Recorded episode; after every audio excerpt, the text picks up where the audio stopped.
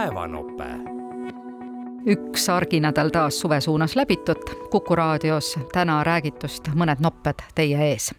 hommikuraadios räägiti relvastusest, mürskudest Ukrainale ja laskemoona tootmisest. Eesti Kaitseinvesteeringute Keskuse relvastuse kategooria juht Ramil Lipp mõistis kõike selgitada kui me eelmine aasta lõpus hakkasime oma minikonkurssi ette valmistama ja tegema Eesti suurimat äh, saja viiekümne viie millimeetrise moona hanget. Või ütleme siis tegelikult minikonkurssi, sest meil raamlepingud olid juba olemas, siis meil tegelikult oli turult, äh, ütleme siis tootjate poolt äh, selline info, et järgmiseks kaheks aastaks on liinid täis, müüa ei saa, tarned tulevad alles kahe aasta pärast, hind on tõusnud, kõik see muu ja reaalsus oli tegelikult teine. meie tulemused, meie ost-, ostutulemused olid tegelikult sellised, tänu konkurentsile äh, oli meil hind põhimõtteliselt sõjaeelne, tarneaja pikkus äh, sõjaeelne, ehk siis meie tegelikult seda, mis nagu tööstus välja oli öelnud, äh, me ei näinud seda. et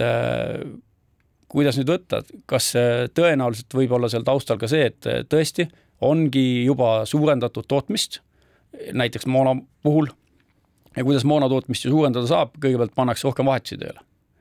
muidugi seal juures tuleb mõelda aspekte, et äh, kust see toore tuleb, millest neid asju kokku panna ja nii edasi, aga ma võiks öelda, et täna on näha, et äh, Euroopa tootjad on suurendanud tootmist äh, ja suurendavad veelgi. kui üldse võtta nii-öelda Euroopa kaart, kus kohas toodetakse mürske, millistes riikides? no paljudes riikides toodetakse, Bulgaaria Äh, meil siinsamas kõrval äh, mm, Soomes, siis äh, Saksamaa, Prantsusmaa, Itaalia, Tšehhi, ühesõnaga tegelikult neid riike, kus toodetakse Inglismaa, on väga palju, suuremad Euroopa riigid kõik toodavad et justkui nii-öelda liine, mille pealt mürsud tulevad, võiks olla meil Euroopas küll ja veel? Jaa, ütleme, tootmist on erinevates kohtades, küsimus on selles, millistes mahtudes suudetakse toota. ja eks vahepealne aeg on ju tekitanud olukorra, kus väga palju tellimusi ei olnud ja ilmselgelt tööstus äh, ju reageerib vastavalt, et kui on nõudlus väiksem, siis ka pannakse osaliselt kinni ennast ja toodetakse vähem aga samas miljon mürsku Ukrainale, see initsiatiiv on äh, kestnud tänaseks ju üle aasta ja, ja, ja tegelikult on vist kohale saadetud jätkuvalt alla neljasaja tuhande või, või umbes midagi niisugust. Äh, kohe saab aasta täis sellest äh, miljoni mürsu initsiatiivist, mis oli tegelikult Eesti algatus eks see algatuse mõte tegelikult sellel ajal oli, loomulikult oli Ukrainal on vaja seda moona, aga teine mõte selle taga oli ka käivitada ja anda sig-, signaal tööstusele. et selline tellimus on tulemas, pange valmis, investeerige, olge valmis siis tootma tänaseks võib öelda, et noh, mingi hinnanguliselt arvatakse, et Euroopa sellel aastal suudab Euroopa toota suurusjärgus pea miljon mürsku, kas see päriselt tõele vastab, on raske jällegi öelda, aga eeldatakse, et, et tööstus võiks suuta kuni miljon mürsku toost-, toota, ma natukene kahtlen selles numbris, aga me peame arvestama, et noh, ilmselgelt ka kõik see ei lähe ju Ukrainasse, on ju. et äh, kõik liikmesriigid äh, ju täidavad ka oma laovarusid, nii nagu Eestigi. Raamil Lipp oli see, keda kuulsite. Tallinki juhatuse esimees Paavo Nõgene jagas aga saates kahe vahel pahameelt suureneva bürokraatia ja Reformierakonna suunas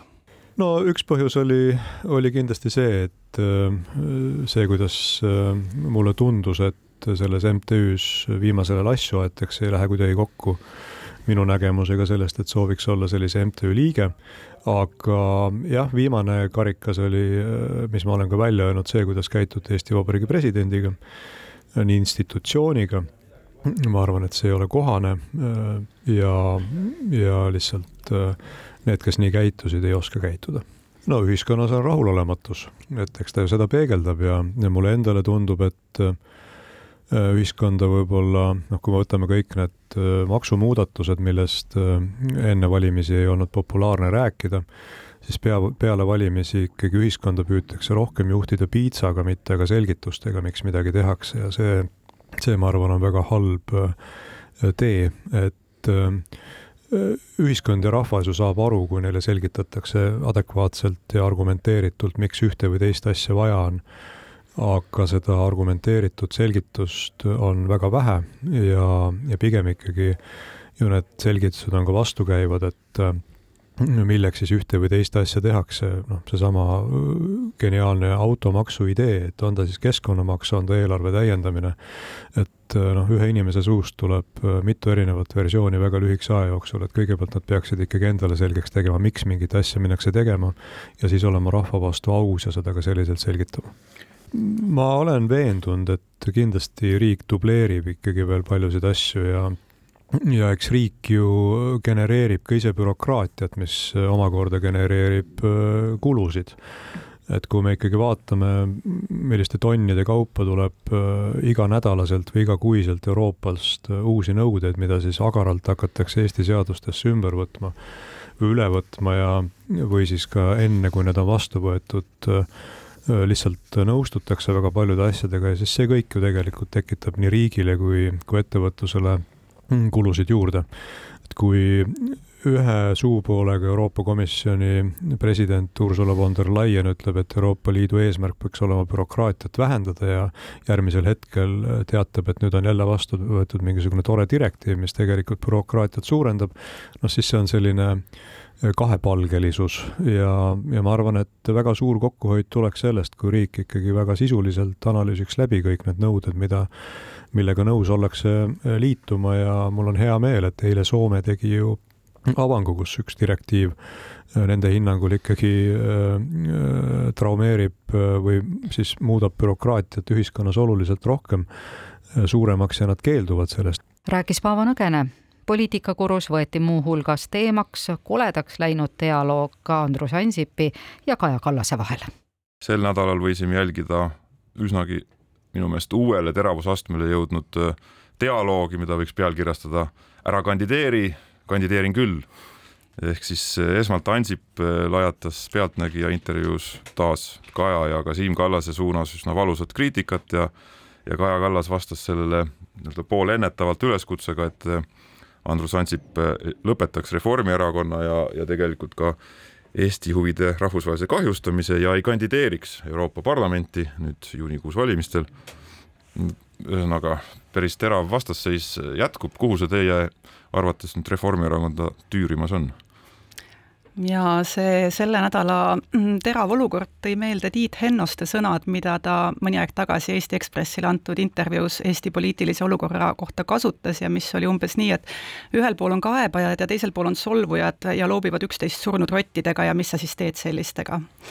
aga kui tõsiselt rääkida, et siis noh, Kaja Kallas on kogenud poliitik ja et ta kindlasti kaalus seda ja teadis seda, et kui Andrus Ansipile adresseeritud kiri erakonna siselisti saata, siis viie minutiga avalik ja meedias on ja, ja võib oletada, et see ajastus siis ähm, ei olnud mitte ainult seotud Euroopa Parlamendi valimistsükli algusega, vaid ka selle teadmisega, et Andrus Ansip oli Pealtnägijale andnud terava intervjuu, mis pidi sama päeva õhtul eetrisse jõudma